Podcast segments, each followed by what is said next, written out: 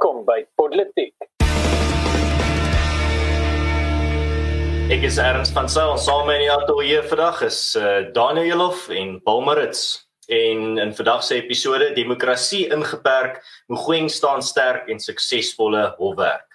So ja, Daniel, uh, daar's natuurlik 'n klomp interessante goed wat gebeur het terwyl ek weg was, maar uh, die belangrikste wat ons nie verbaas nie, is die feit dat ons demokrasie weer eens bedreig word.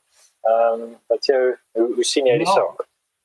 Ja, wel eerstens wil ek net sê welkom terug Paulus. Dis lekker om jou weer in ons virtuele ateljee te hê.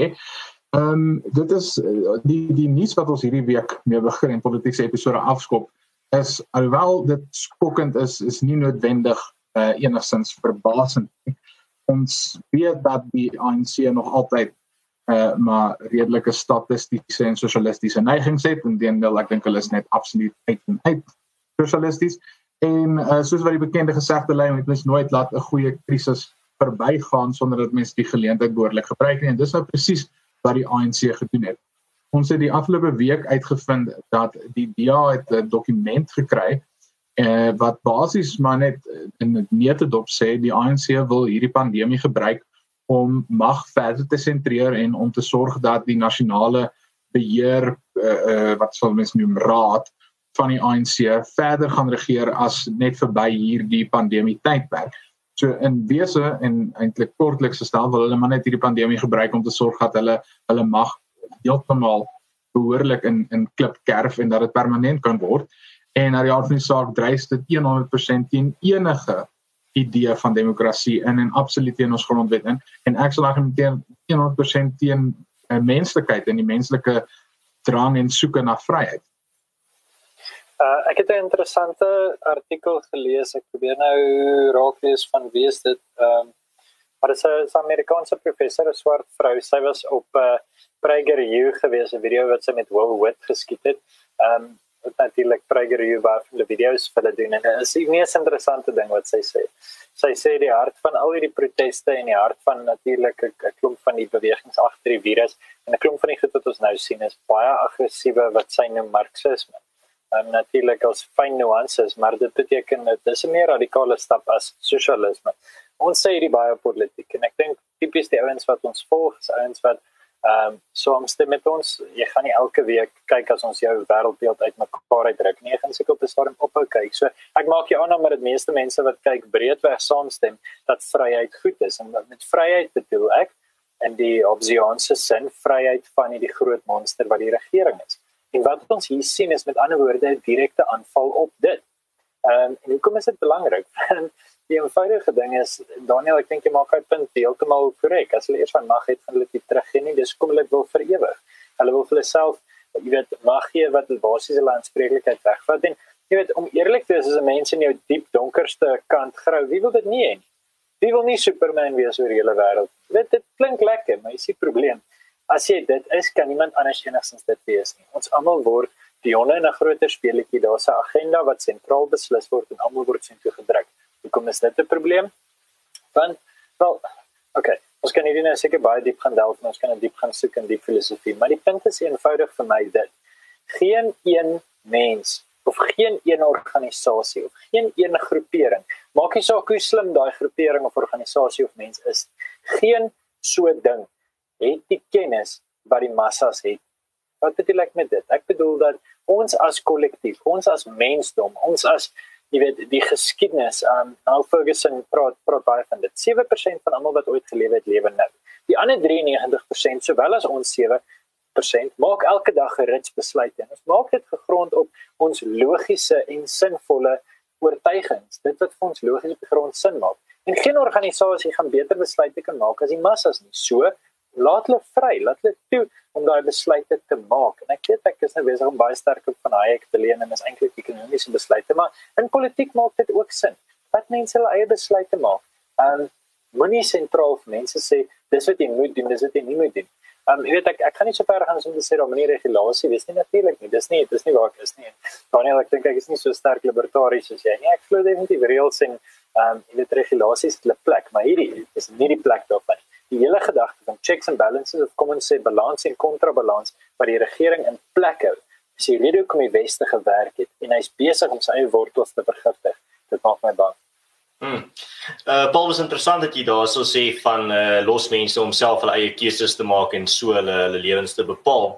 Maar ek dink ons moet miskien uh, uit 'n ander perspektief ook hierna kyk en die feit is baie duidelik in Suid-Afrika te sien dat baie mense en die meerderheid van mense het baie vrywillig hulle vryhede en en uh verantwoordelikhede opgegee vir die regering. Um dit is dit is 'n lekker ding om te doen.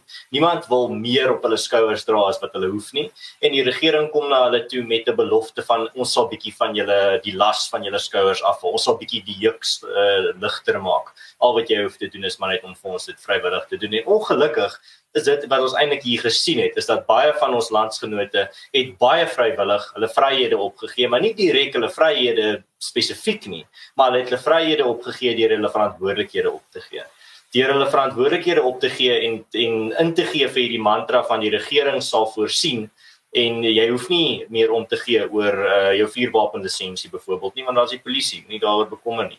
Uh, jy hoef nie jou straat netjies en skoon te hou nie. Die regering sal dit doen. Moenie moenie bekommer daaroor nie. Ehm um, jy hoef nie meer uh, jou geld of uh, regtig enige donasies te gee vir die minderbevoorregtes nie, maar die regering sal vir hulle sorg met uh, met al hulle ehm um, geld wat hulle uithandig en hulle kospakkies en wat ook al. So en ek wil die lys gaan aan. En ek dink dit is die hartseer ding wat ons moet eerlik oor wees en miskien bietjie hard oor dink en debatteer uh, binne in ons sirkels is hoe ons mense kan laat wakker skrik oor die feit dat dit was nie net een groot staatsgreep of uh, wat wat veroorsaak het dat ons nie posisie is waar ons vandag is nie maar eerder die baie klein bietjie vir bietjie van mense wat maar oor die jare maar net heeltemal 100% vrywillig uh, hulle verantwoordelikhede opgegee het vir 'n vir 'n makliker gemakliker lewe maar 'n lewe sonder vryheid en ek dink dit is miskien hmm. iets wat ons 'n uh, bietjie de, denke aan moet gee in terme van hoe om daai probleem op te los. Hmm.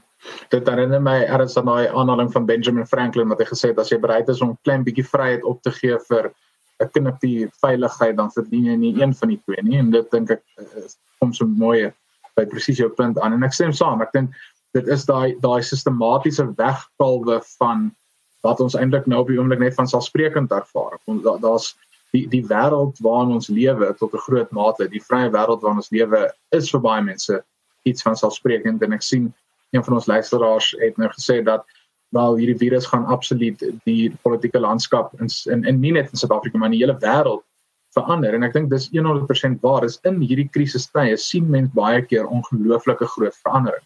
Dit, dit dit is geneig om te gebeur want die die omstandighede en die uniekheid van die ek amper sê gevaar ehm um, sorg dat verandering gebeur. Nou partykeer is hierdie omstandighede so, so op op so 'n manier dat dit goeie verandering teweegbring maar in hierdie geval as ek bekommer dat dit dalk slegte verandering gaan wees dat dit 'n uh, terugkeer na tye en en na ideologie en na regeringsmodelle gaan wees wat ons uit die geskiedenis uit weet nie sukses wat ons weet sukkel en, en dit is presies wat jy sê ons moet daarteen waak en op die einde gaan dit oor eie verantwoordelikheid. Op die einde gaan dit oor die burgers wat moet besluit is hierdie regtig die pad waarop ons wil stap in die roete wat ons vervolg. Ja, en Uh miskien net 'n laaste gedagte daar is uh, ek dink die enigste manier of die enigste medisyne vir dit gaan wees die moeilike medisyne en ek bedoel medisyne is nooit lekker nie dit gaan ons gaan moet verantwoordelikhede terugvat. Soveel verantwoordelikhede as moontlik van die regering af is wat jy kan dra op jou skouers. Dit is nie gemaklik nie dis nie lekker nie almal wil eerder diep binne in hulle 'n gemaklike gemaklike lewe hê waar hulle nie regtig enige las hoef te dra nie. Alles raak maar net vir hulle val in hulle skoot in maar dit is daai begeerte wat vir ons gekry het op by hierdie punt vir my en dit die prys wat jy vir daai begeerte betaal is jou vryheid. Die enigste manier om daai vryhede terug te kry is om verantwoordelikhede weer weg van die regering af te vat en dit is maar net uh, dit is die enigste manier hoe ek sien hoe ons hierdie gaan oplos. Maar ek sal ek sal graag wil sien hoe die hoe hierdie debat en hierdie gesprek uh, verder in die toekoms ingaan in terme van wat ons gaan sien gebeur en of mense gaan agterkom wat aan die gang is. Eintlik interessant, er is 'n verskriklike Bybelse benadering wat jy eintlik sê eh, hierdie hele ding van van die die die verantwoordelikheid neem en indien jy nie doen nie dan verloor jy 'n bietjie van jou vryheid. Ek moet sê ek dink daar's oulike uh, teologiese argumente om daar te maak en dalk is dit nou juist goed uh, dat ons nou oorgie aan ons eie inhouds teologies om politiek nie noodwendig om daar te gesels nie.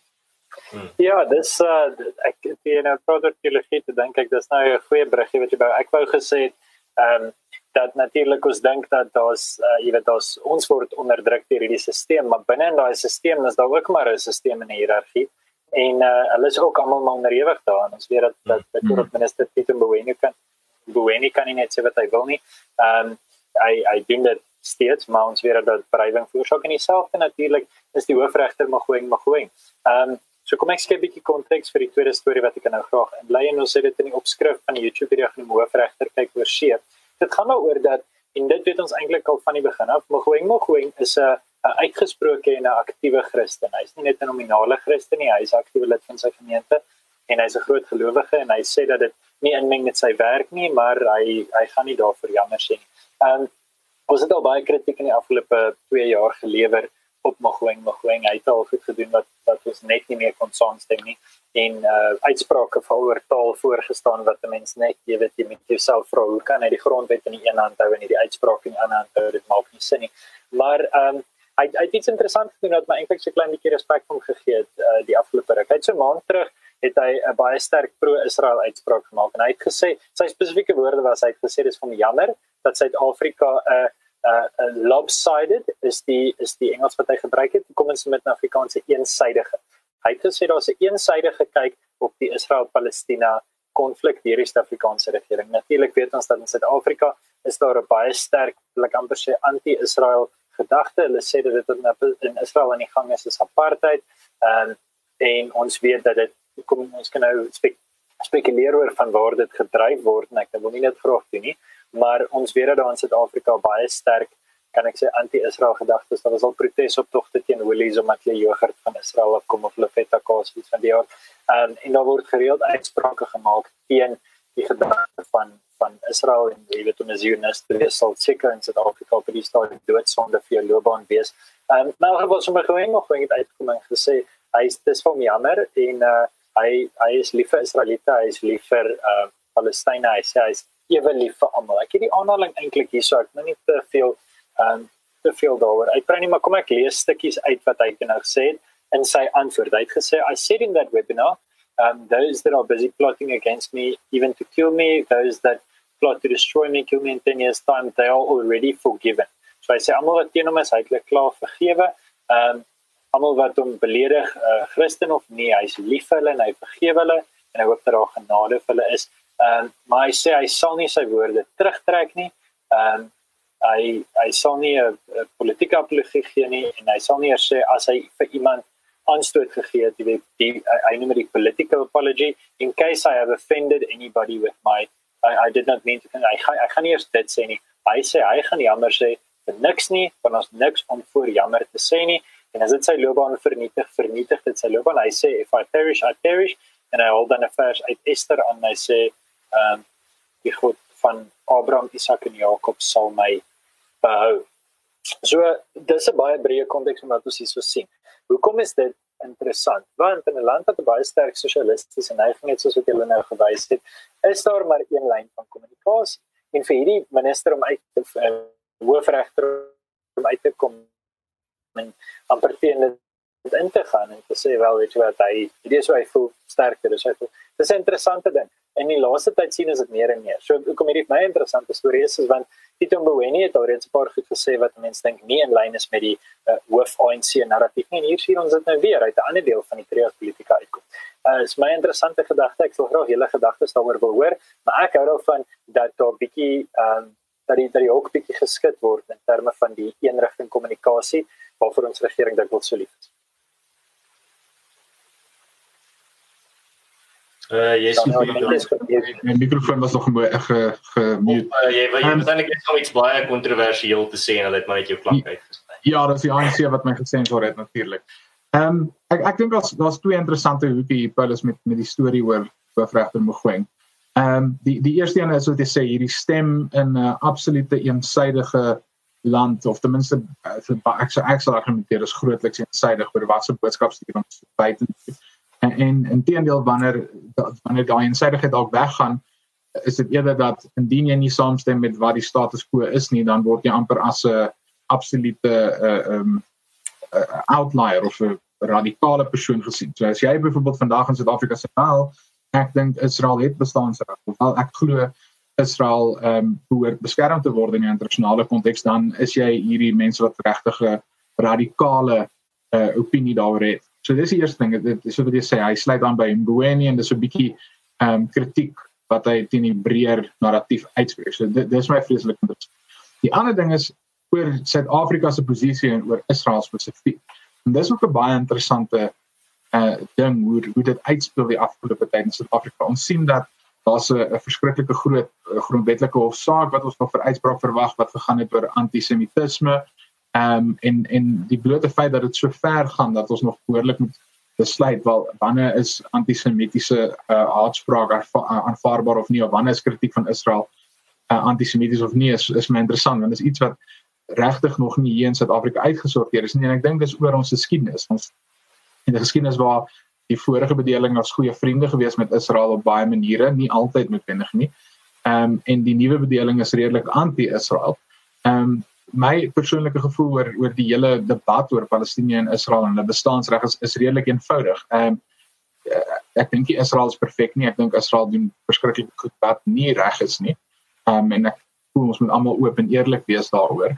Maar vir my is dit so eenvoudig soos Israel is die enigste land te midde van hordes, dosyne lande om hulle wat ehm um, grootliks vryheid voorstaan waar jy uh, kan doen en wees net wie jy wil waar hulle nie mense polities onderdruk nie en eenvoudig wil al die dosyne lande om hulle sorg dat Israel nie bestaan nie as hulle die geleentheid nog gekry het het hulle Israel heeltemal kapabel gebom um, en dit op sy eie sê vir my presies hoe ons julle Israel situasie um, moet moet na kyk. Hmm. Uh, ek het net 'n baie vinnige gedagte daaroor die hele saak Uh ek dink maar net uh die die strategie wat ek hier gaan volg is die die eeue oue wysheid van moet nooit jou opponent uh, onderbreek terwyl hy 'n fout maak nie. Ek bedoel ons opponent hier is die ver links is. So ek sal nogal graag wil sien uh wat gebeur as hulle 'n bietjie meer verder by hierdie paadjie afstap. Ek dink dit kan 'n baie interessante situasie ehm um, uh na vore bring. En ek dink hulle gaan hulle self in 'n baie moeilike situasie vind uh, as hulle by die pad af aan aan afstap. Ek bedoel ons het nou gesien in Engeland met die Black Lives Matter uh beweging waar die Engelse tak van daai beweging hulle official uh Twitter profiel het iets antisemities uitgetweet en toe dadelik hierdie Premier Liga en al hierdie uh bekendes almal hulle self begin distansieer weer van hierdie beweging en gesê maar eintlik die die Black Lives Matter wat op ons hemde staan het geen affiliasie met die beweging nie.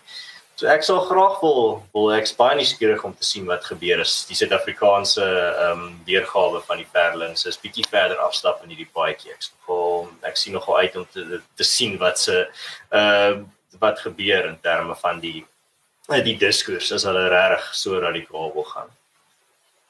Ja, dis uh dis my interessante mens wil ek ek ek meen ek is nou vandag seker meer biblies as gewoonlik. Ehm um, maar dit is interessant dis dit herinner my aan is Exodus 18 dink ek waar die Israeliete gereed maak om met die Amalekiete te beklei, maar dan begin die Amalekiete mekaar beklei. Eh uh, en dis ons praat dan van die Israeliete natuurlik Amalek was uh, was 'n stam wat ek ek glo nie meer bestaan nie wat van ek jy beskiklik laat my teologiese kennis my nie steek maar ek dink hulle was van die noorde of uh, van die weste af. Nou ja, hoe dit ook al sê, dit is presies wat jy sê. 'n Interessante ding vir my baie keer is hoe ons heel eerste goed wat ons ooit gesê het op politiek oor jare maar weer herhaal. Ek meen, ehm um, Daniel, jou jou eerste bydrae het ook mag gegaan baie oor wat jy vandag sê dat mens moenie mag jy moenie jy jou jou eie mag opgee nie uh, vir veiligheid nie. Erns ek onthou ehm um, een van die eerste goed wat jy gesê het is die revolusie is besig om sy kinders te eet en ek dink dis dis weer eens relevant en wat jy nou gesê het jy weet in die eerste goed dat my heel eerste storie en eerste politieke episode was Cyril is besig om links te skuif. Ehm um, dat jy weet hy die, die sentralistiese idee van Cyril en so 3 maande in sy termyn en dit politiek begin en toe kon ons sien hierdie ou het 'n bloedrooi kommunistiese hart eintlik aan die klop. Ehm um, nou ja, ek meen dit is dis alles uh, goed en wel maar gepraat van howe is dit miskien tyd om so 'n bietjie die bruggie te bou na ons derde storie toe en gelukkig uh, lyk dit asof die regering en hulle inperkingsmaatreëls gedurig pak slaag kry in die hof. Dit is natuurlik frustrerend dat mense al daai geld moet aangaan om die regsproses aan die gang te hou en die prokureurs se uh, wifi te betaal en seker goeders. ja, ek grap, as dit goeie prokureurs by uh, al die plekke waar ek betrokke is. En hmm. maar ja, so ehm um, miskien is dit is dit tyd dat ons bietjie daaroor praat. Uh, Erns ek glo jy het so 'n bietjie dieper gedelf op die ding. Hmm. So daar's twee hofsaake wat ek oor wil praat. Uh, die een gaan ek uh, ek gaan eers praat oor die Unisa hofsaak en dan tweedens oor die kleuterskole een want ek dink uh, ek sal graag Daniel se insette daaroor sien as hy was uh, direk daar betrokke. Ehm um, so uh, Afriforum het die uh die taalbeleid by Unisa hof toe het geappeleer teen die, die vorige uitspraak oor die taalbeleid by Unisa wat Afrikaans heeltemal wil afskaf en toe die Hooggeregshof van Appel teen gunste van Afriforum se saak vir die behoud van Afrikaans as volwaardige voor, voorwaardige onderrigstaal by die Universiteit van Suid-Afrika se ehm uh, gegee. So ek dink regtig dit is uh, een van die min blink ek ons dit hierdie kon net staan blinkkant bo ook gewees het want dit is 'n absolute blinkkant bo vir Afrikaans en vir oorwinning vir vir moedertaalonderrig. En dit is nou ek dink hierdie stryd was nou aan die gang vir ten minste 5 jaar. So ek dink dit is 'n baie belangrike st stap in die regte rigting. Maar dan ook voor ek ek nou terug net vir badkamer toe gaan. Dis reg. Maar voor ons in ons kommentaar daarvan ingaan, ehm um, en miskien sommer te wil uh Paulus uit is. Ehm um, Daniel, kan jy ons bietjie meer vertel van die van die spesifieke kleuterskole of saak waar jy betrokke was? Ja, so die dit was 'n vreeslike lekker saak om by betrokke te wees. En ehm um, die die die, die afsinsaak was ons ook betrokke as hele prokureurs van rekord met die Unisa uitspraak. So ek moet sê dit was regtig 'n lekker week by Herter Spies prokureurs gewees met 'n paar goeie oorwinnings in die hof. Ehm um, ek ek wil net vinnig noem oor Unisa se uitspraak is dit eerstens 'n wonderlike uitspraak in die sin dat dit is 'n oorwinning vir moedertaalonderrig op tersiêre vlak wat ons nie uh, onlangs gesien het nie. Ons het 'n hele paar nederlae gehad die afgelope 3-4 jaar onder andere met die ehm um, gelyke kansse saak oor Stellenbosch se taalbeleid of sie se uitspraak natuurlik en ons sien wat gebeur by ander universiteite soos Tikkies. So hierdie is is regtig goed om bietjie teen die momentum om uh, alles net te verengels uh, te veg. So dis dis uit die afsaak wonderlik. Daai uitspraak is ook deur die hoofregter van die Hooggeregshof van Appel in beide Engels en Khoisa geskryf wat ek dink 'n wonderlike en oulike ehm um, net 'n beeld is wat sy uitgestraal het in 'n oulike ehm um, gedagte was. Ek dink fantasties is. Ek dink die dieselfde meertaligheid wat ons in ons universiteite wil sien, wil ons ook in ons howe sien. Maar goed, oor die die hofsaake, ek dink dit sluit eintlik nog ons baie mooi aan by oor oor die kleuterskole se hofsaak ten minste by ons tema van van vandag en 'n bietjie laaste 2 of 3 maande oor regulasies. Ehm um, ons het namens solidariteit en die skoolondersteuningsentrum hof toe gegaan om te sorg dat kleuterskole, privaat kleuterskole met ander woorde kleuterskole wat nie verbonde is aan ehm um, laerskole nie, so met ander woorde hulle is nie onder die gesag van die minister van basiese onderwys nie, maar eerder onder die gesag van die minister van maatskaplike ontwikkeling Maar ons sorg dat hulle kan heropen indien hulle wil heropen en dat ouers hulle kinders kan terugstuur kleuterskool toe indien hulle voel dis veilig en reg om dit te doen. So op die einde gaan dit hier oor keuse. Weereens, dis die vryheid. Dis nie om te sê ons verplig alle kleuterskoolleerders om terug te gaan nie. Dit gaan oor om ouers en leerders in staat te stel om dit te kan doen indien hulle wil. So hierdie is 'n wonderlike oorwinning spesifiek natuurlik vir ehm um, wat wat nou by kleuterskole aangaan, maar daar's ook 'n ek dink 'n breër oorwinning wat bereik is deur hierdie hofsaak. En dit gaan oor die hele rits sake wat ons gesien het die afgelope 2 of 3 maande wat besig is om te veg teen die regulasie. Nou ek dink is 'n belangrike punt om te noem dat die blote feit dat mens veg teen hierdie drakoniese regulasies beteken nie mense ontken die gevaar van hierdie virus nie. En ek dink is 'n belangrike onderskeid om te tref. Twee goed kan terselfdertyd waar wees. Dit kan waar wees dat die regering en die ANC wat nog altyd maar redelik drakonies was, hierdie geleentheid gebruik om net verder drakonies te wees wat ons sien met hierdie maand vir die manifest wat hulle vroeër hierdie week nou bekend gemaak het. Ehm um, en dit kan terselfdertyd waar wees dat hierdie virus is 'n groot gevaar. Maar waar waar dit gaan is en waar ek dink hierdie hierdie hofsaake teen die regulasies gaan is is om te sorg dat vryheid nie staan stukkie vir stukkie stelselmatig weggekalwe word nie. Dat ons sorg dat um, ons grondwetlike bestel die die regstelsel en die regte wat ons geniet en die vryhede wat ons geniet beskerm word teen hierdie uh, inperkende en ingrypende regering en dis eintlik waar dit gaan. En ja, dit gaan oor die meriete van daardie en daai spesifieke saak. Dit gaan oor die mense wat aangehou word in hierdie repatriasiekampe. Dit gaan oor mense die die leerders om te reg om terug te gaan kleuterskole toe. Ehm um, dit gaan oor al hierdie dinge, maar die breër prentjie is dit gaan om te veg teen 'n regering wat besig is om alle magte probeer sentreer. Hulle probeer om nie net die wetgewende gesag onder die uitvoerende gesag te sentreer nie, maar hulle probeer ook om die regsprekende gesag op die ouende daar te sentreer en dis hoekom hierdie sake volgens my so belangrik. ja, ek ek meen dit is eintlik 'n rits goed uh, wat wat hulle gesê het wat ek op sou wil reageer, maar um, ek ek verstaan die wêreld ek was maar nie aan die hand van stories en ek wou net vir te sê ons lyk baie goed op tyd so asseblief uh, deel jou gedagtes in detail. Ja. ek ek ek wil graag maar uh uh ja, kom ons kyk hoe ver kom ek. Destyds in 2015-16 was so die verskriklike optogte en jy weet ek is verskriklik goed genoem op my kampus en hulle het op 'n stadium my graf gegrou en gesê hulle gaan al die oor die oorfone want die taal die klas was nog Afrikaans aangebied met tolking na Engels toe. So hulle gaan al die oorfone wat tolking na Engels toe doen begrawe en jy weet ek ek party ons het voorgestel dat ek sommer saam begrawe word. Dit is baie interessant eintlik. Maar ehm um, dit is 'n traumatiserende ervaring en ek het nogals baie naweke huis toe gegaan net 'n bietjie weg te kom van die storie. Dis my pa bestaan vir my interessante ding. Hy sê vir my hierdie ding en dit is dan nou presies die net sê. Die ding is op 'n pendulum. Die ding gaan die kant toe, daai kant toe. Staan na nie na die Tweede Wêreldoorlog 1948 met die stigting van die Verenigde Nasies en jy weet al die goeders. Dis almal jy weet pro een wêreld, een gedagte en dan begin al klaar sprake gemaak word van jy weet daar gaan nou minder oorlog wees en dit gaan nou so wees, dit gaan nou so wees nie ekonomiese herstel en alles.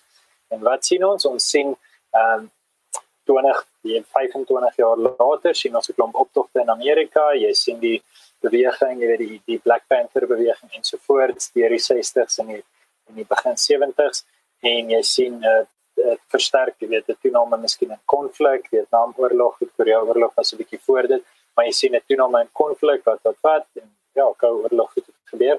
En wat gebeur? Muurval laat 80 vroeg 90s weer het jy die gedagte van nee, dis 'n oop wêreld, ons globaliseer, ons maak grense oop wat wat wat een geld eenheid vir Europa. Hier is die voordele, daar is dit, daar is dit. 25 jaar later, wat sien jy? Klomp optogte, klomp lande wat sê kom ek sit my eie land weer eerste vir 'n rukkie. So het hierdie pendulum wat swaai. Dieselfde ding gebeur met taal betref. Jy weet, as ons sê ons is een wêreld en ons gaan al die grense wegvat en nasionale identiteite gaan wegsmelt en die tipe goeders, dan nie beskiklik is mense baie pro die idee van nie maar jy weet, my eie taal is nie so belangrik nie, kom ek maak my kinders Engels groot. So ons het baie vriende wat Afrikaanse ouers het, maar hulle kan net Engels praat want hulle ouers het net vroeg 90 besluit ag Afrikaans is met tyd werk. En nou sien jy eweskielik dat mense gaan en sê nee maar ek het 'n identiteit. Ek is deel van 'n van 'n kleiner klustertjie. Ek is deel van ietsie hierso. Ehm um, ek gaan nie, jy weet, as hierdie grense weggaan, gaan dit nie eintlik my soveel voordele inhou nie. Um, dit het in 2016 al begin, dan my al dit lank voor dit al begin eintlik dink ek, maar die momentum het stadig aangebou. Brexit het gebeur, Trump het gebeur. Um, in Skotland is al, jy weet, hulle wil hulle wil onafhanklikheid hê. Die Baske wil onafhanklikheid hê. Katalonië. Jy weet skielik sien jy hierdie ding en wat gaan saam met dit? Moet dit al onderrig. Ehm um, So dit as 'n as 'n breë fokuspunt van ietsie wat ek nogals dophou. Ek dink ons is nie ver van die idee dat dat Zulu en Khoza ernstig gedruk gaan word om akademiese tale te word nie. Ek dink dit sal goed wees, dit sal ruimte skep vir Afrikaans. Die probleem is wel dan is ons universiteitstelsel so gestroop van Afrikaans en Tswana byvoorbeeld in Potchefstroom en klomp ander tale wat eintlik ontwikkel kon word. So, ernstig sê ons baie tyd weet ek nie of jy bedoel dat ek met in soveel detail gaan nie. Ek sê maar net 'n interessante swaai wat aan die gang is. Ek ek weet ek praat die laaste tyd baie daaroor en ek lees baie daaroor. Maar hierdie gedagte van jy weet world in union en ek dink mense is besig bietjie oor dit raak. Hmm. Maar presies wat ons hierso sien is wat ek nog altyd gesê het van die die geskiedenis herhaal nie homself nie maar hy rym en uh, soos MP van Wyk Lou gesê het uh, so as die wêreld te ver links beweeg beweeg die intellektueles regs. En as die wêreld te ver regs beweeg beweeg die intellektueles links. Dit kom seker te maak dat die uh dat die wipplank nie ontip nie. Maar ek dink wat ons nou sien regdeur geskiedenis en vandag nou weer waar dit bietjie weer rym met wat in die verlede gebeur het is die feit dat ons het na die Tweede Wêreldoorlog in 'n in 'n wêreld geleef, 'n liberale wêreld waar die die oplossing vir dit vir die om te probeer verhoed dat wat in die verlede gebeur het ooit weer gebeur, het ons hierdie globale wêreld probeer skep waar daar iets soos 'n Verenigde Nasies is, waar daar iets soos al die internasionale uh, ooreenkomste is en al die internasionale organisasies wat almal in toom hou en almal van mekaar se nekke afhou. En ons het eintlik al gedink dit is al die lande in die wêreld ongelooflik afhanklik van mekaar as ekonomies en sosiaal. Ehm um, gaan hulle op die ou end nie kan bekostig om met mekaar uh, oorlog te gaan nie en ons gaan nie uh, ons gaan al die probleme oplos van die verlede. Maar wat sien ons? Die dieselfde probleme van die verlede kom maar net weer na vore. En ek dink al van 'n baie Shakespearean manier waar soos enigiemand van julle al Macbeth gelees het waar die die hoofkarakter die die noodlot probeer uh, weghardloop of probeer uh, wegkom van sy van sy lot af maar soos wat hy dit probeer doen deur sy aksies uh maak hy eintlik verseker eintlik dat sy lot op die einde by hom uitkom. Ek dink dit was um uh Griekse filosoof uh, Seneca wat gesê het uh, die noodlot lei die gewilliges en sleep die huiwerig saam. Die en sleep die huiwerige saam. En ek dink dit is wat ons wat ons hierso sien vandag waar die geskiedenis definitief ruim en uh miskien nou nie homself heeltemal herhaal nie. Maar ek dink ons kan baie die geskiedenis uit leer ek dink die mense soos jy daar gesê het van daai pendulum pel uh ek dink die mens die mensdom sit vas in hierdie uh eindelose uh geskiedenis van siklusse ek dink van die eerste mens af uh, is waar hierdie siklusse begin het. En ek dink ons gaan nog tot die laaste mens gaan dit nog steeds uh, hierdie net uh, tydlyn van siklusse wees sikliese natuur van die lewe wees en ek dink ons dis kom ek my my laaste gedagte hier sal wees is dat ek dink ons moet bietjie meer terugkyk dat ons eintlik as ons meer uh, in die verlede inkyk kan ons dalk 'n bietjie van die toekoms sien En dit is seker ek moet sê dis 'n baie mooi aanhaling van van Wyklou wat jy daar gesê het van die geskiedenis herhaal nie homself nie maar dit tyd. Nee nee die, um, die aanhaling van MP van Wyklou is die wipplank ene van die links is die wipplank ene. Die ja. uh, geskiedenis herhaal nie homself nie my rym is myne. Waar is dit jou nou wel? Uh dan dan al ons luisteraars julle kan gerus seker ek sê vir die eerste persoon wat dit al gesê het, dalk het ek dit iewers raak. Nee uh climate is joune uh luisteraars julle kan gerus gaan gaan tweet en dan kan julle vir @conkerkels dis definitief sy aanhaling. Maniere maar soos elke episode is 30 minute ongelukkig veel te kort maar ons is nou aan die einde van ons episode. Uh soos Paul se witbrood is hierdie episode dan nou verby maar ons nooi jou as luisteraar uit om self te ontnonsens in die gesprek voor te sit in die kommentaarafdeling soos wat julle reeds doen. Julle kan ons ook ondersteun uh, deur vir ons te gaan kyk op Buy Me a Coffee of op Patreon as jy hou van wat ons hier by politiek doen, sodat ons ook help om te sorg dat politiek elke week die nuus vir jou kan ontnonsens. Jy kan ook vir ons gerus 'n resensie los met jou klagtes en gedagtes en dan sien ons julle weer volgende week.